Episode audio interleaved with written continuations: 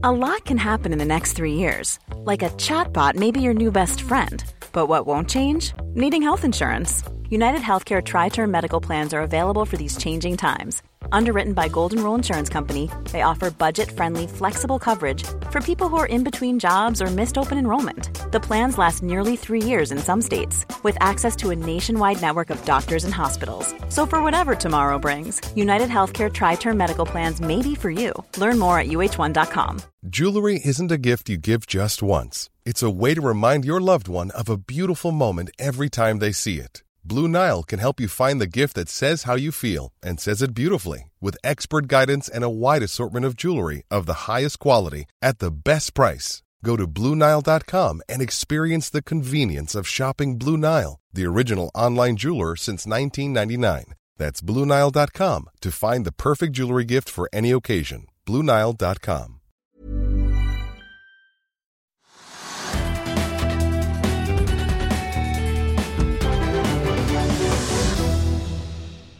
over til deg, Lars Seier Christensen. Velkommen tilbake, må jeg nesten si.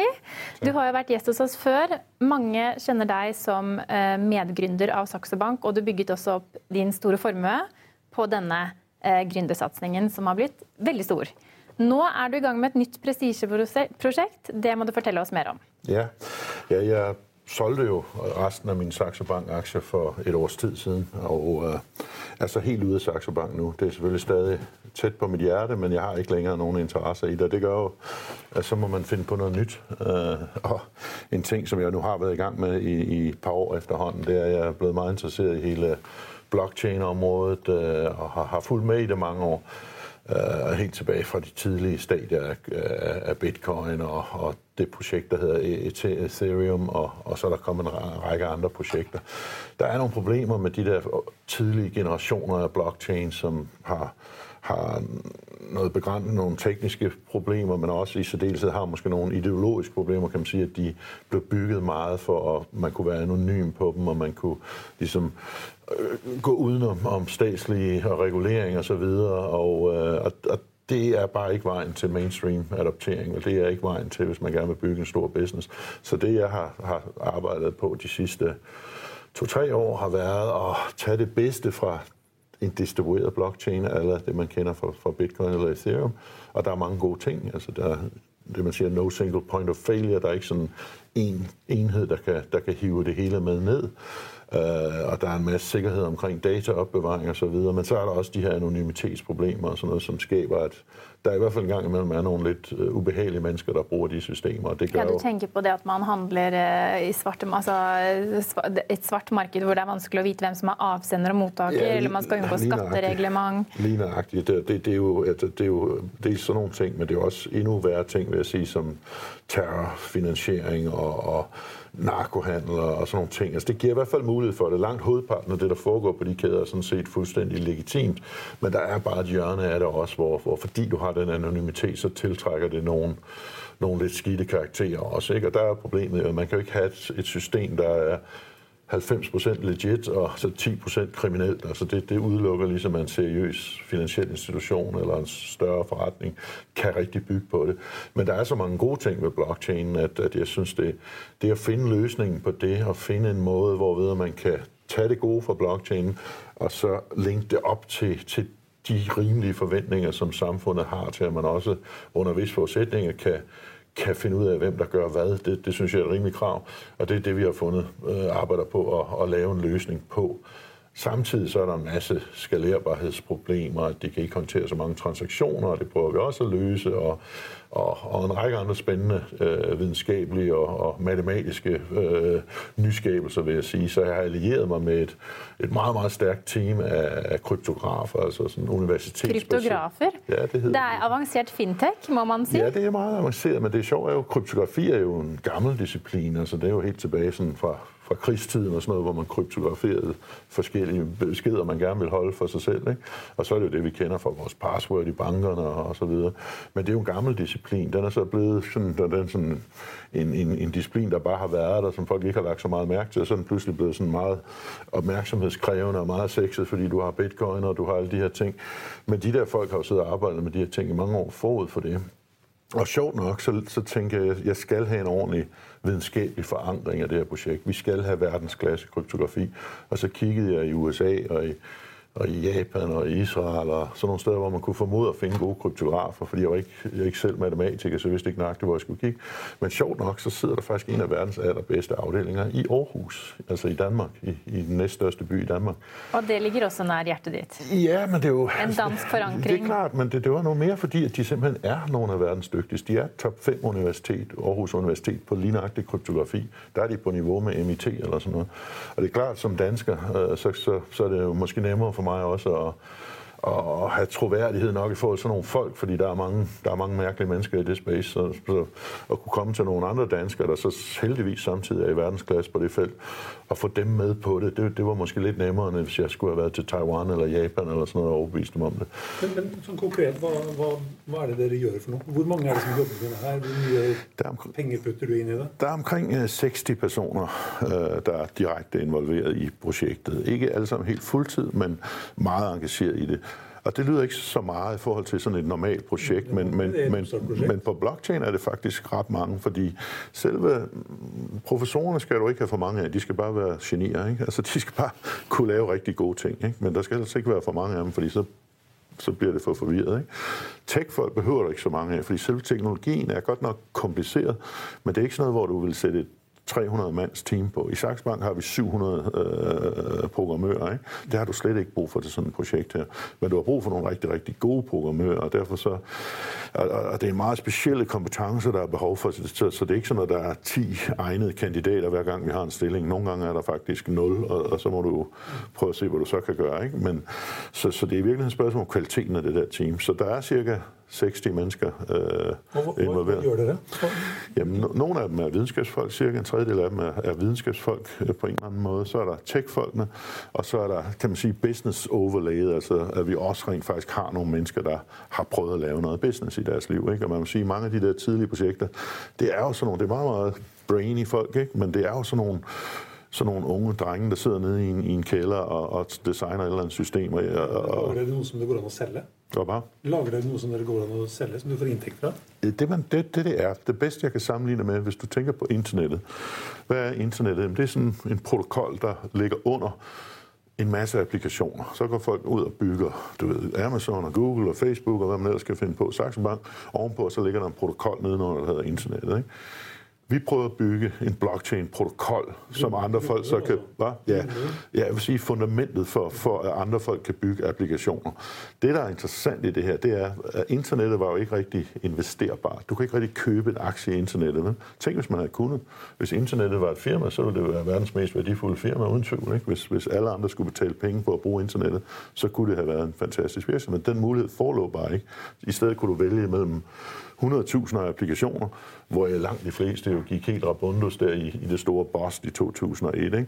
Her er det lidt anderledes. Der er selvfølgelig et applikationslag, og det er meget vigtigt, og de er stadigvæk meget vanskelige at vælge, hvem af de her nye applikationer, der er værd at satse på, og der er tusindvis af dem. Og det er som at finde en nål i en høstak, som vi siger i Danmark i hvert fald. Ikke? Øh, men der er ikke så mange der, der protokollag. Og den her gang til gengæld kan man investere i protokollaget, så man, man kan få en meningsfuld stake i det fundamentale lag i det her. Og det, der er interessant i det, er, hvor der er tusindvis af, af applikationer, der bliver bygget i øjeblikket, hvor øh, mit gæt er, øh, uh, 9-9 procent af dem vil, vil gå rabundus, ligesom de gjorde i, uh, i uh, internet, det tidlige internet. Så er der også måske 5, 10, 15 seriøse projekter, der prøver at bygge en, en ny protokol. Og det er ret meget nemmere at ramme inden for, lad os sige, 10 projekter, og, og der vil formentlig være 3-4 af dem, der får en vis grad af succes ved at gætte på. Og det er jo noget nemmere, og, og, og, og man skal altid lidt held til, men det er noget nemmere at ramme rigtigt, men du skal vælge 3 ud af 10, end hvis du skal ramme 10 ud af en million. Ikke? Og det er ligesom som, som en ren investeringsmæssig tese, hvor jeg også investeringshatten på, er at stedet at være i det her space lige nu, det er i selve grundprotokollen. Og det er jeg både i form af, at vi selv prøver at bygge en, og det er første gang, jeg selv har været sådan dybt involveret i et firma, siden jeg var CEO i Saxo Bank, som jeg holdt op med for 3-4 år siden. Øh, Og dels så synes jeg, at der er nogle andre bud på det derude, der også er meget fornuftige ud, så dem har også investeret lidt i nogle af dem. Ikke? Så, så jeg tror, at chancen for at ramme 1 ud af 10, der, der bliver god, er, er, er større end 1 ud af 1000. Det, det. Men har du selv investeret i bitcoin og ethereum, ja. og hvor mye har du i bitcoin i dag, eller er det bitcoin man skal være i egentlig? Jamen altså, jeg opdagede det der space ret tidligt af to grunde. Et, fordi jeg har en, en hel del, jeg er sådan lidt libertarianer selv jo, jeg har en hel del libertarianske venner, og meget af det der var jo meget ideologisk i starten, som vi taler om, at, øh, og det har også nogle positive ting, men, men også de negative ting omkring NMC. Men jeg var opmærksom på bitcoin meget tidligt, altså helt ned, da den kostede 5 dollar eller sådan noget, ikke? Desværre tænker jeg, det er noget ret fjollet, det der, så, så det gider jeg ikke købe noget af. Og det, det, det, er jo sådan noget, man godt kan ærge sig lidt. Og heldigvis så fulgte jeg det så lidt, og så tænkte jeg, ah, det er nu alligevel ret interessant, så jeg købte omkring det, det kostede et par hundrede dollar. Så det var stadigvæk okay. Men i øvrigt så købte jeg, allerførst så købte jeg øh, en lille portion sådan for 50.000 kroner, 100.000 kroner, og lagde dem ind på min mobiltelefon, for jeg ville bare gerne vide, hvordan det fungerede, og så ledte jeg efter et eller andet sted, jeg kunne betale med bitcoin. Dem var der ikke mange af. Og så, Fandt du nogen? Og så kunne hjælpe mig, om ikke for første og eneste, jeg håber sidste gang i mit liv, så taber jeg den her telefon ned i en swimmingpool, da jeg var nede og besøge en af mine venner i Spanien. Og jeg havde ikke lavet det backup, som alle havde sagt, det skulle man. Så det var bare... Jeg kunne, ikke, jeg kunne ikke få den til at fungere igen. Og så forsvinder sådan nogle bitcoin, når man ikke har sin kode. Så det, det, de har nok været, de har, ja, de har nok været 5 millioner hver dag eller sådan noget, ikke? men dengang var det så kun 50.000. Så næste gang jeg købte lidt mere seriøst og tænkte, det skal ikke ske for mig igen, så købte jeg en separat telefon, lagde den ned i en bankboks, så skrev koden, lagde den ned i en anden bankboks, og så løb jeg ligge der i fire år. Og så kom jeg tilbage i fire år, da kursen var steget ret meget, og tænkte, nu tror jeg ikke, den stiger så meget mere, så lad mig, lad mig sælge dem. Og så tjente jeg faktisk en, en god Ja, hvad solgte du på? Den var jo ganske høj på tidspunkt. Jeg solgte selvfølgelig for tidligt. Så jeg solgte omkring 6.500, tror jeg. Ja. Og så steg den tre måneder efter steg den til 20.000, og tænkte, åh, jeg er idiot, ikke? Men nu er den jo så kommet ned igen, og nu, det var en okay handel, vil jeg sige. Det kan jeg ikke brokke mig over. Men det havde været sjovt at købe den på 5, hvor jeg faktisk så den. Og efterfølgende fandt jeg så også opfølgeren, der hed Ethereum, som af forskellige grunde heller ikke fik den eksponering i, som jeg gerne ville have haft. Lang historie, men, men, men den tager vi en anden gang. Og jeg var sådan lidt frustreret, fordi jeg tænkte egentlig også, at det kunne være sjovt at, være den første bank, der er rigtig, altså Saxo Bank. Og der talte jeg med min egen legal compliance folk, og de sagde, at det, det kan vi altså ikke, Lars. Det, det er for farligt, det der. Altså, okay, det er de måske ret i, ikke? fordi det er jo sådan set det, der er blevet min egen konklusion. Men det kunne have været sjovt at være den første bank i verden, der ligesom havde supporteret det space. Ikke? Anyway, jeg sidder tilbage med en generel følelse af frustration, og så, og så en dag talte jeg med en fyr, der var med til at bygge nogle af de meget væsentlige Ethereum, blandt andet. Og sagde, hvorfor gør du ikke ligesom mig? Hvorfor laver du ikke dit eget projekt? Og så tænkte jeg, ja, det kunne da egentlig være en meget god idé, fordi det virkede sidste gang. Og så, og så begyndte jeg så at skrue mit eget projekt sammen. Men jeg har sådan set fulgt det en overræk før det, og, øh, og dermed er jeg også sådan ret opmærksom på de problemer, der er i det, som er en hel masse tekniske problemer, det kan man ikke rigtig bebrejde folk, fordi det er ligesom den første Ford Model T eller sådan noget, den er jo også, så lærer man noget mere, og så har man noget bedre teknologi over tid.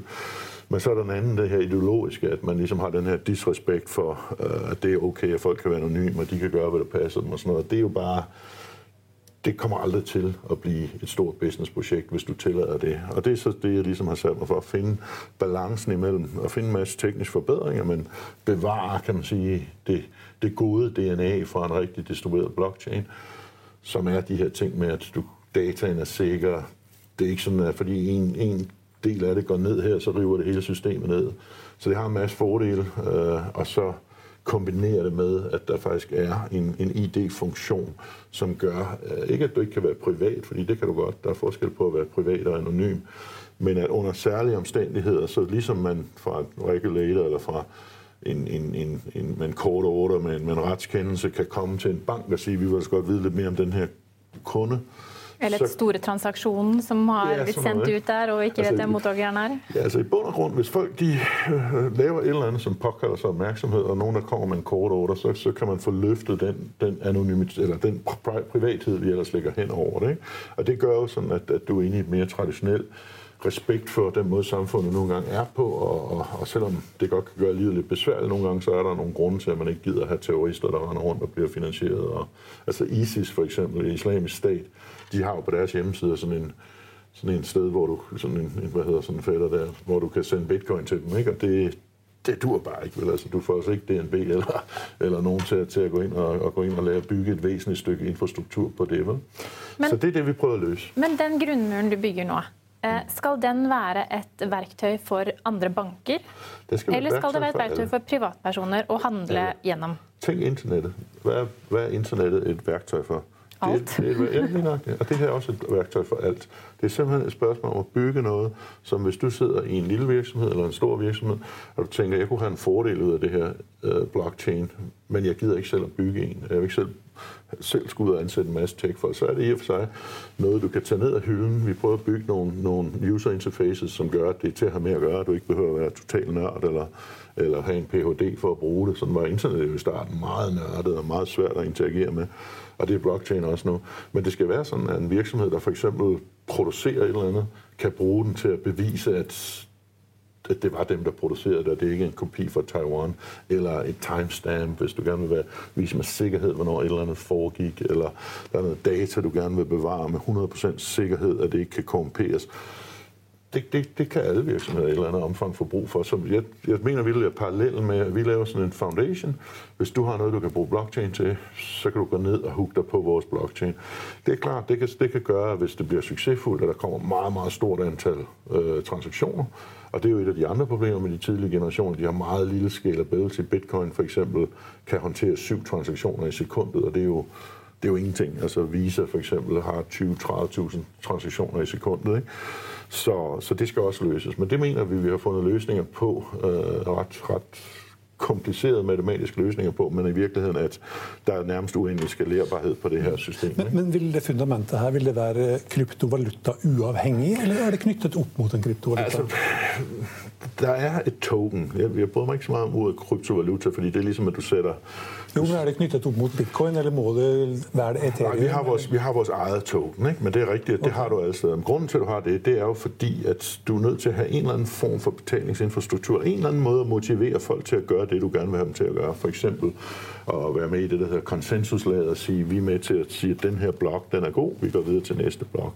Man skal have nogen, der gider at skrive smart contracts, så man kan bruge det til noget. Man skal have nogen, der gider at udstede identiteterne, osv. osv. Og, og, og, og der har man simpelthen ikke i dag det traditionelle betalingssystem en effektiv måde at lave sådan nogle mikrobetalinger på i samme sekund, du laver dem. Og en anden fordel ved det her er, at vi har umiddelbart finalitet. Altså i banksektoren er det et stort problem mange gange, at du tror, du har lavet en handel, men i praksis er den først clearet et par dage efter, og, og den kan reverseres, øh, og det sker. Øh, her der har du absolut finalitet. Når en ting er, er sket, så er den sket, men det gør jo så også, at du skal med det samme kunne lave de her betalinger. Og der er det nogle gange, synes jeg, i på dansk siger, at man sætter, man sætter vognen foran hesten og der bliver, der bliver kryptovalutaen, eller det her token, bliver det alt afgørende, men funktionaliteten er ligegyldig, så bliver det til sådan en ren spekulation i bitcoin. Og bitcoin kan jo heller ikke rigtig noget andet, end at man kan spekulere i den. Ethereum kan lidt mere, men heller ikke særlig skalerbart. Vi er for os lidt omvendt. Altså, der er det hesten foran vognen. Ikke? Det her det drejer sig om at have en effektiv infrastruktur, som du kan bygge nogle virkelige forretninger og nogle virkelige business use cases ovenpå. Men du er nødt til at have det her token til at facilitere, at folk overhovedet gider at gøre det. Men det er ikke, det er ikke det er kernen, kernen af funktionaliteten. Mm. Og pengene du tjener på det her? Jamen, nu skal jeg fortælle noget Hvordan klarer du at tjene penge? Nu skal jeg fortælle noget rigtig Klarer ikke at bruge bare penge, du? Ja, nu, nu skal jeg fortælle noget rigtig sikkert. Det her er faktisk non-profit. Non-profit, ja. Det havde du ikke troet, hva'? Nej. Nei, jeg antar at det i hvert fall går mye penger inn i projektet med 60 ansatte, vitenskapsmænd og professorer. Ja, men det er måske også lidt unøjagtigt. Men det er en Schweizers Foundation, som per definition er non-profit, der ejer projektet, kan man sige. Det er den, der udvikler projektet det er den, hvis man ønsker at købe nogle af de her tokens, så investerer man ind i den. Foundation bruger så de midler, den får ind til at udvikle øh, på length udvikle øh, platformen osv. osv. Øh, og den må ikke have en profitdistribution. Så den har et mandat, der siger, at hvis den har et overskud, at den har nogle penge inde, så skal de bruges på, på science research, på blockcenter, og vi har lavet blandt andet en stor øh, researchgruppe på, på Aarhus Universitet, der hedder Concordium Blockchain, Blockchain Research Center. Og vi har en anden en på det tekniske universitet i Zürich, hvor vi også har nogle professorer tilknyttet ITH i Zürich, som også er en tung blockchain, eller en tung, tung kryptografi øh, universitet. Øh, så Foundation per se er ikke profitable. Det er en non-profit, der hvis eneste formål er for det her system til at fungere. Og systemet er jo autonom, så over tid så skal det spredes ud, så der ikke er nogen enkelt person, der kontrollerer det, eller gruppe af enkelte personer. Det er jo meget, meget vigtigt, for ellers har du single point of failure igen. Og det opnår du ved at sørge for, at de her tokens bliver spredt ud på, på rigtig mange hænder. Øh, og det er målsætningen med det her. Så det, det, øh, selve systemet som sådan øh, har ikke øh, anden indtægt end, end lidt beskatning af transaktionerne, der går op i foundation, som så bliver brugt til videnskabelig research og, og teknisk udvikling. Der, hvor der er en mulighed for at tjene penge, fordi det er jo ikke ren altruisme selvfølgelig, det er, at de her tokens øh, nødvendigvis for at bruge systemet er nødt til at, at have nogle af de her tokens, og de tokens er nødt til at købe, så hvis der er en stor kritisk masse, så må man forvente, at de her tokens, som er en, en kan man sige, en lukket mængde, at de vil stige noget i værdi. Det er i hvert fald det, vi har set i, i, i nogle af de andre. Så hvis jeg... Hvad hedder den? Den hedder GTU, Global Transaction Unit. Så hvis jeg vil have en godt, så må jeg da, da hvis jeg køber en godt, så køber jeg egentlig en aktie, en type aktie i de Life is full of awesome what ifs, and some not so much, like unexpected medical costs. That's why United Healthcare provides Health Protector Guard fixed indemnity insurance plans to supplement your primary plan and help manage out of pocket costs. Learn more at uh1.com. I'll see you in court. Vi sier det ofte litt på spøk, men for deg som driver business, er det moro å innse at du ikke har laget en 100 gyldig kontrakt. Du bør ikke risikere hele firmaet ditt fordi du synes dette med kontrakter er litt stress.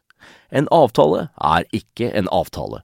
Du kan miste kunder, miste venner, ja, til og med miste inntekter om du ikke lager en skikkelig kontrakt, på alt mulig, egentlig. Men vi vet det er et styr. Kopimaskiner, treg printer og haugevis av papir. Dessuten stoler vi jo på folk her i landet. Det er ofte litt kleint å skulle be om en signatur for alt mulig, ja, for mye av styret handler også om jakten på underskriften. Det finnes en enkel måte å løse dette på, Dukkobit, en trygg, effektiv og get this, gratis måte å sikre seg en god natts søvn pluss en juridisk bindende avtale.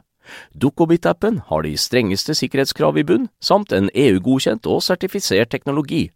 Framover vil det bli behagelig å spørre du, skal vi skrive under på det, eller? Kom i gang på dokobit.no. In, I din du køber investering? Payment, du køber et payment token. Min, min CEO, uh, Lone Føns, som jo har, har været lidt involveret med, med nogle af de norske uh, shipping magnater øh, og, og sidder på bordet af Volvo og sådan noget. Hun sammenligner med poletter, Hvis man går ned i en møntvask, så har man også nogle poletter, som man bruger til møntvasken, og uden at man har poletterne, så kan man ikke få vaskemaskinen til at fungere. Det er sådan set et udmærket billede. Og grunden til, at du er nødt til at bruge, fordi det vil egentlig være nemmere bare at bruge US dollars, altså, eller bruge norske kroner, hvad ved jeg. Men der er bare ikke et betalingssystem, der er effektivt nok til, at du kan få den øjeblikkelige distribution og finansielle i systemet. Så derfor er du nødt til at have de her tokens. Ikke? At der så kan være en, en, en investeringsmæssig interesse i, at hvis efterspørgselen stiger på de her tokens, så, vil de, så må man gå ud fra, at de stiger værdi, og det er jo det, man har set i hvert fald med mange andre af dem. Hvor mange har det, øh, hvad, hvad heter det, når man lager en token? Mange GTU. Har, ja, hvor mange har det minet?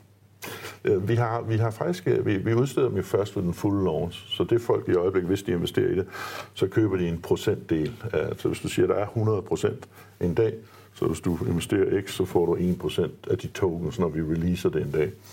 Øh, vi har faktisk ikke besluttet endelig, om der bliver en milliard tokens eller 10 milliarder tokens. Det, det, det, vi, vi har en professor, professor Hans Gersbach, der er top advisor til den tyske, tyske øh, erhvervsministerium omkring omkring central, central bank øh, problemstillinger, omkring øh, det monetære flow og sådan noget. Ja, for det er jo et rammeværk, som kanskje kan komme etter hvert på plads. Ja, det, det minder jo meget om et monetært system, så derfor har vi fundet nogle af de dygtigste mennesker, vi kunne finde på traditionelle monetære systemer til at designe det, vi kalder tokenomics, altså hvordan fungerer hele den økonomi inde i, inde i platformen.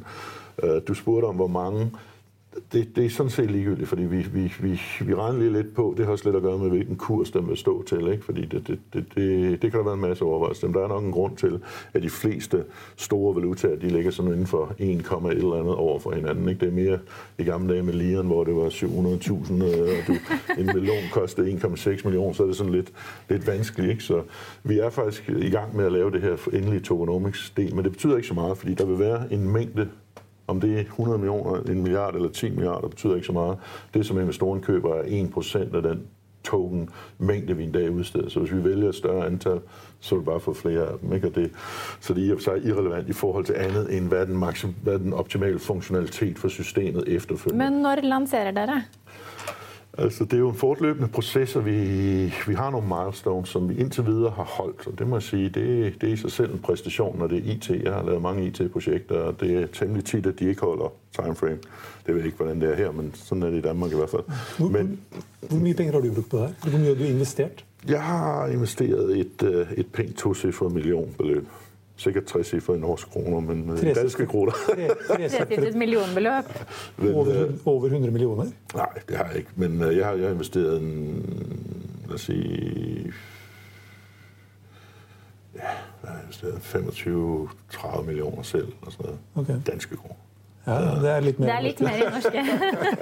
det er ikke riktig men det er pari der, nei. Fordi, fordi det sjove her er jo i virkeligheden, det vil lige afslutte med timelinen, det var det, ja, ja. Den går egentlig fint. Vi har lanceret det, vi kalder en, en lukket beta her i slutningen af tredje kvartal. Det var planen. Det skete. Det var godt nok først 5 minutter i 12. 30. september, men det skete dog i tredje kvartal. Og, og det var ligesom første meget vigtige milestone. Så nu har vi rent faktisk et kørende system, hvor man kan mine eller bake, som det hedder i det her tilfælde, men og, og du kan lave simple smart contracts, og det ser ud til at fungere. Men nu, nu tester vi det så på alle mulige vinkler og skalerbarhed og sådan noget. Så mover vi til en åben øh, beta, altså hvor, hvor alle kan komme ind. Lige nu er det mest kan man sige... Nerdene, eller de som er specielt ja, nørder, interesserte? men venligsindede nørder. Ja. Når vi lige har fjernet de værste boks, fordi det er der selvfølgelig sådan et system, så åbner vi det også for ondskabsfulde nørder. Og det er jo der, kryptografi skal, skal stå sin test. Ikke? Fordi kryptografi er jo ubehagelig på den måde, at du kan aldrig bevise, at kryptografi fungerer. Nej, Så de kun... ondskapsfulle de bliver inviteret ind for at teste systemet, ja, rett og slett? Øh, men du kan godt bevise, at det ikke fungerer, og det gør du ved at bryde kryptografien. Men du kan aldrig bevise definitivt, at det fungerer, fordi du ved ikke, om der er en, der bryder det i morgen. Så det er faktisk vigtigt at få noget pres på sådan et system, så så hvis der er nogle fejl i det, så vil vi jo gerne have, at de bliver fundet Betyr før det, at vi snakker om uh, andre kvartal 2020, eller er vi... Ja, det er faktisk meget nøjagtigt, fordi, fordi så åbner vi den her uh, public beta, som, som bliver i slutningen af i år, eller begyndelsen af 2020. Uh, og så Altså, medmindre vi får alt for mange ubehagelige overraskelser, hvis det kører nogen sådan, som forventet, så, så vil vi mene, at vi kan køre den første release candidate, altså først full launch candidate, øh, i, i første halvår men sikkert tættere mod enden af første halvår end, end, end slutningen. Ikke? Vi får bare skynde oss inn og få en sånn, få tak i en sånn prosent av en token, vi da, hvis det blir snakk om at men, men, Det er vel ikke bare du som putter penger inn i det her? Nej, nej. altså Vi har jo så Altså lige nu øh, vil jeg kun have professionelle investorer. Jeg vil kun have folk, der forstår, ja. at det her... Hvor mye penger er det, liksom, hvor mye penger er det investeret totalt i det her nu? Jamen altså, vi har investeret indtil videre 8-10 millioner dollar eller sådan noget. Ikke? Øhm, så det er ikke enormt summer faktisk, altså i forhold til så meget andet. Mm. Øh, og, og nu rejser vi over det næste, de næste seks måneder, rejser vi en 14-15 millioner dollar mere for ligesom at få os frem over fuld launch. Og efter vi så lancerer, når vi er sikre på, at det virker, så åbner vi lidt mere for, de, for den brede brugerbase, fordi det drejer sig også om at få kritisk masse, og få masse mennesker til at bruge det, men jeg vil bare ikke have retail-investorer på det her tidspunkt, hvor jeg må være ærlig sige, at det kan stadigvæk blive det kan stadig blive, det er binary. Enten så lykkes det, eller også så lykkes det ikke. Vi får jo satse på at det lykkes, da. Det er et mål. Det Når vi først har satt oss inn i tokenomics, det, var, det er helt nytt for mig. Vi arbejder hårdt på, at det lykkes, men der er selvfølgelig muligheden for, at det ikke lykkes. Og der er især to risici. Den ene er selvfølgelig, at vi laver en fejl, og du kan springe det hele i luften med, med kryptografien. Ikke? Den anden er, at det kan man ikke, men at vi ikke får kritisk masse. Altså, der simpelthen ikke er nok, der gider bruge det. Jeg tror desværre ikke, der er ikke noget sådan mellemting, der hedder, det går nogenlunde, og der er nogle få mennesker, der bruger det, fordi så vil de forsvinde, de få mennesker, der er der. Så der er enten stor succes, så eller men syretesten blir andre halvår, eller i andre kvartal ut i andre, første, slutten av første halvår næste år, mest sandsynligt? Ja, altså jeg vil sige på den måde, at mange mennesker er sådan i det her space, åh, vi skal revolutionere hele verden i morgen, og, og næste år, hvis ikke man er færdig hurtigt, så er det helt slut. det, det, jeg, jeg har været sådan noget for lang tid til at tro på det. Jeg tror, det kommer til at tage ret lang tid. Så jeg vil sige, hvis jeg står i, i slutningen af første halvår og tænker, det her det er sgu ikke godt nok, vi er nødt til at arbejde lidt mere ved det, så vil jeg hellere skyde det, og så levere et ordentligt produkt, end at, end at pisse det ud for enhver pris, fordi det haster ikke mere end det jager. Det, det, det, Gartner-gruppen har lavet en, en interessant analyse, hvor de ligesom laver den så vanlige, kan man sige, hockeystick-effekten, ikke? Men, men de vurderer, at, at blockchain-baseret økonomi i 2030, øh, 2030, ja. Ja, øh, at det vil være 3,1 trillion dollars på det tidspunkt om 11 år. Men det er med sådan 20 milliarder her, 30 milliarder der, så, og sådan tror jeg faktisk, det bliver. Sådan var internettet jo også. Da, da vi startede med Saxo Bank og internettet, Da vi lavede vores første hjemmeside i 95, der var under 25 millioner Det er 95, du må oversætte, Lars. 95. 95, ja. 4 halv næse og 5 mere. Ja. Men, øh, 95, der var der under, der var der under øh, 20, 25, 25, 25, ja. 25 millioner brugere i alt på global plan på internettet. Ikke? Da vi lancerede vores, øh, vores første platform i, i øh, 98, øh, der, var, der var under 100 millioner brugere. Ikke? Og der må man sige, der har hockeystikken jo virket, ikke? fordi den økonomi var meget lille dengang. Og det tog tid, og selv da vi, vi synes jo, vi havde et genialt system med Saxo Bank, men, men det tog lang tid at få folk til at bruge det. Uh, og sådan tror jeg også, det bliver her. Så det haster ikke særligt Så du kan læne dig tilbage og følge udviklingen. Og det, jeg skulle, mit næste spørgsmål var, hvilket projekt bruger du mest tid på? Men jeg tror, jeg har fået svaret. Ja, altså jeg vil sige, nu har jeg i starten brugt jeg vanvittigt meget tid på det, fordi det, altså mentalt bruger jeg mest tid på det her. Det er der ingen tvivl om. Og selvom det ikke faktisk er langt fra min største investering, så er det den, jeg mener har mest mest potentiale og mest spændende, ikke? men måske også er mest risikofyldt. Ikke? Altså jeg lavede en investering i FC København, for eksempel fodboldklubben, hvor jeg har investeret væsentligt flere penge, men, og, og det er jeg glad for, og jeg tror også, det kan blive en god investering, men, men jeg tror trods alt, der er mere potentiale i, i, i det her, hvis det lykkes. Men FC København, det ligger jo også nordmænds hjerte ganske ja, nært. det håber jeg da. Med norsk træner, og, ja, ja, og hva, hvorfor fodbold? Jeg kender Ståle ret godt efterhånden, og holder meget af ham. Han er en god fyr, Ståle Solbakken. Han taler meget vanskeligt norsk. Man skal virkelig, man skal virkelig høre efter, når han siger noget, men jeg har godt forhold til ham. som din dansk? Han er, han er, han er i høj tænding, den mand, hvis vi taber en kamp eller sådan noget. Uh, altså. Men, men, men hvor, hvor nært hjertet ditt ligger fodbold? Er du en fodboldentusiast? Ja, jeg har altid været FCK-fan, men jeg havde egentlig også svoret over for mig selv, jeg vil aldrig købe en fodboldklub, fordi det er bare problemer hele tiden. Ikke? Men nu er der jo det ved FCK, er jo en del af det, der hedder Parken Sport og Entertainment, som faktisk er meget mere end fodboldklubben. Vi ejer de to store Lalandia badelande i Danmark, hvor jeg ved ikke, det tror jeg også mange nordmænd kender. Vi er ved at bygge et tredje ude ved Vesterhavet. Øh, de er ret gode forretninger. Vi ejer hele nationalstadion, altså parken i København, plus 30.000 kvadratmeter kontor, der ligger i hjørnerne af parken. Så vi har de to aktiviteter, også for fodboldklubben også, ikke? Og der kan man sige, Lalandia er en rigtig fin forretning, parken og kontorejendommen er en rigtig fin forretning. Fodbolden, det er jo sådan, det er lidt op og ned. Men det er der temperaturen stiger mest, ja, og, og ja, kanskje det jo, falder? Det er jo spændende, og det er jo ekstra spændende. Nu spillede de jo kvalifikation til Champions League her for nylig, og spillede mod Røde Stjerne fra Beograd, spillede uafgjort ude, spillede uafgjort hjemme, omkamp, straffespark, 22 straffespark, før vi fik en afgørelse, og vi taber hvilket som fan selvfølgelig var forfærdeligt. Men det er jo endnu mere forfærdeligt, for vi tabte også 150 millioner kroner, ikke? og så begyndte det at blive lidt af rigtig anstrengende, faktisk. Rigtig anstrengende det i parken. Ikke? Men, hvor, hvor mere er du oppe til det? Er 22,5 procent. 20, 20, 20, fjerdedel cirka. Der er tre store aktionærer, og så er der en, en masse mindre aktionærer. Den er børsnoteret ja. klub jo. Så, 22 procent? Ja, så vi er, det er vi tre store aktionærer, der ejer nogenlunde det samme. Og så de sidste 25 procent, det er sådan spredt ud over 14.000 fans og mindre aktionærer. Ikke? Men hvad er din største investering, om, om Concordium er den, du bruger mest tid på? Hvad er din største investering? Jamen, det er nok FCK i øjeblikket, fordi jeg, jeg, jeg var jo i den situation, at jeg solgte Saks Bank her for nylig, de sidste aktier. Og det gav mig et, et, et rigtig fornuftigt kontantbeløb. Og det, det så, nu, nu har, på en måde har det været meget nemmere at have Saks Bank, ikke? fordi det havde jeg. Det var ikke sådan, det behøvede ikke tage beslutning hver uge, om jeg ville være i Saxo Bank eller ej. Det var jeg bare. Og det gik meget godt, og det tjente nogle 100 millioner hvert år, og det var meget rart, og du behøvede ikke tænke så meget over det. Men pludselig er det jo vekslet til 2,5 milliarder kroner eller sådan noget, som bare står i banken og trækker negativ rente, ikke? Og det er jo sådan noget, hvor du tænker, uha, nu bliver jeg nødt til at tænke over tingene lige pludselig, ikke? Så derfor så, så har jeg så Concordium, FCK og et par andre ting, men jeg leder egentlig i øjeblikket leder lidt efter et par lidt større ting. Altså, men hvad er det som trigger dig da? Vi vet jo åbenbart at, du er, at blockchain er en trigger, og, og fotball er jo en interesse, som du sier, men jeg har sett på Seier Kapital... Gourmetrestauranter, ja. Interesse, ja. Og, og teknologi generelt er en interesse. Jeg har, jeg har med sådan en masse mindre firmaer, Øh, men det er jo sådan fra før jeg gik ud af Saxo Bank, så der har jeg fået lidt penge af bordet, og så kan jeg investere 2 millioner her og 5 millioner der, og sådan en masse små ting, ikke? Øh, mindre, mindre virksomheder. Det er sikkert nu, noen av seerne våre som lurer på, hvor mye penger har du, som du har tænkt at investere i et eller andet? Jamen, jeg har mange penge i banken lige nu. Ja, men hvor mye har du, liksom, hvis, Ja, du, du, har lyst til å investere. Det er litt dårlig rente i banken, antar jeg? Ja, det er rett irriterende. Ja. jeg betaler en million kroner i negativ rente om måneden. Det, det men, men har, du, har, du, 100 millioner eller har du 200 millioner du skal investere? Nei, det er vel mer større beløp. Ja, mer. Men, ja. men, men, men, men, det, er jo også, det skal man også ha litt respekt for. fordi ja. man kan si Saxo Bank der var ikke så meget valg. Der var jeg bare. Uh, men det er jo klart, at nu har jeg ikke tænkt mig forhåbentlig at brænde alle pengene af igen. Så derfor skal jeg ligesom bruge noget tid til at finde de helt rigtige ting for det her.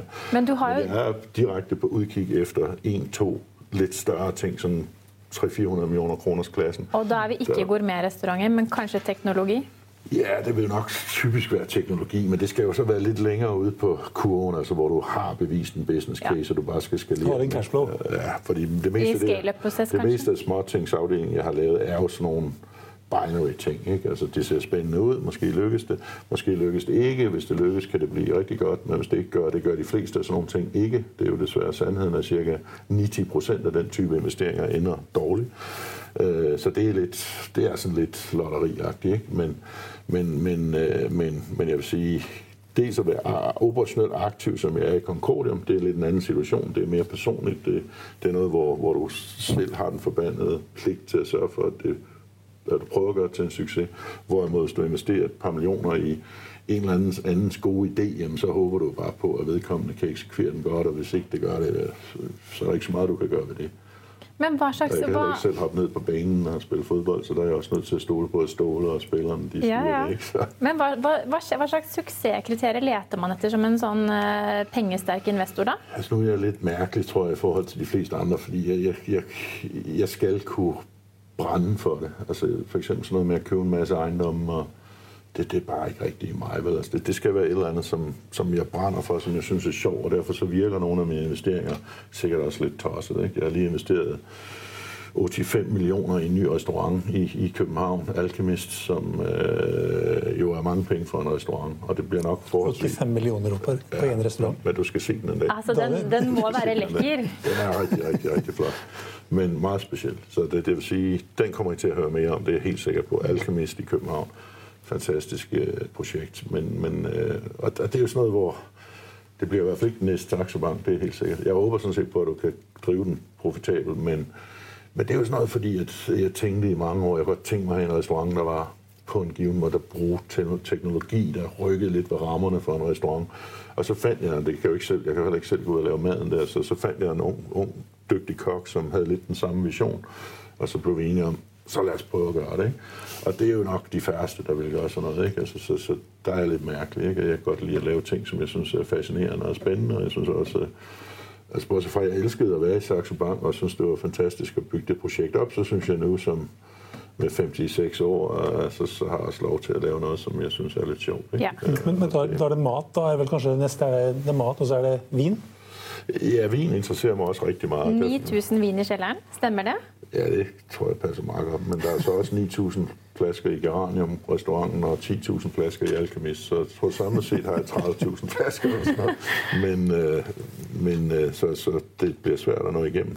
Men, men, øh, men det er jo også, altså, det er jo også mest passion. Nu er vinen sådan set en udmærket investering, fordi der er en ting ved vin, det, der bliver aldrig mere af dem, der bliver altid mindre af dem i sådan en gamle årgang, fordi en gang imellem er der en, der drikker en. Ikke? Øh, så. Ja, for, men, kan man, men, men jeg læser, at du har 9000 i din private mm. vinkjeller.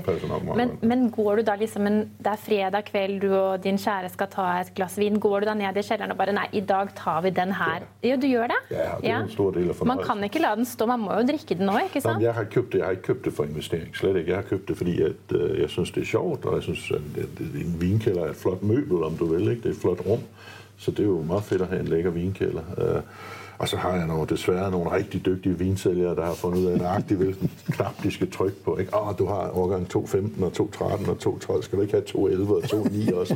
Så jeg, jo, okay.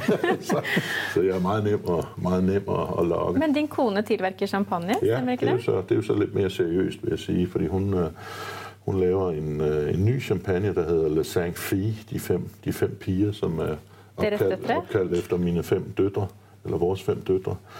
Og hun er faktisk også i Norge i dag, men hun er ude at tale med et par toprestauranter her, som hun synes burde have den her champagne. Ja.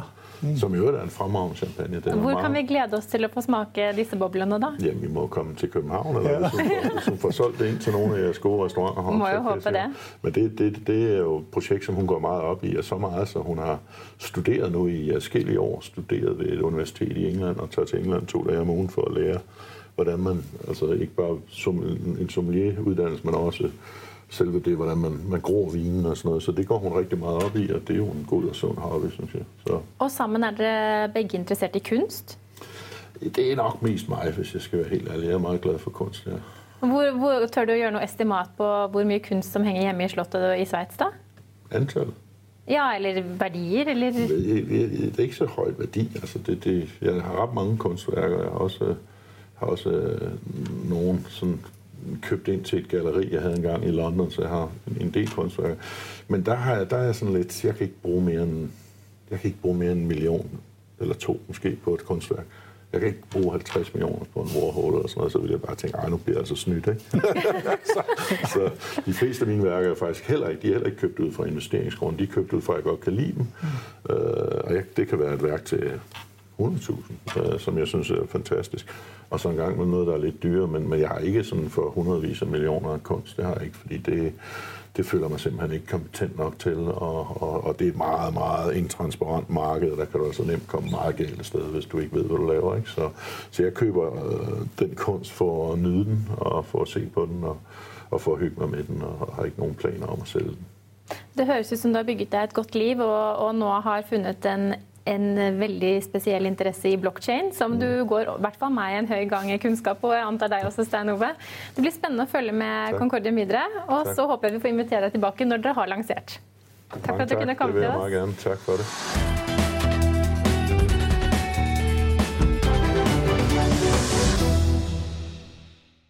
Økonominyhetene er en podkast fra Finansavisen. Programledere er Marius Lorentzen, Stein Ove Haugen og Benedikte Storm Bamvik. Produsenter er Lars Brenden Skram og Bashar Johar. Og ansvarlig redaktør er Trygve Hegnar.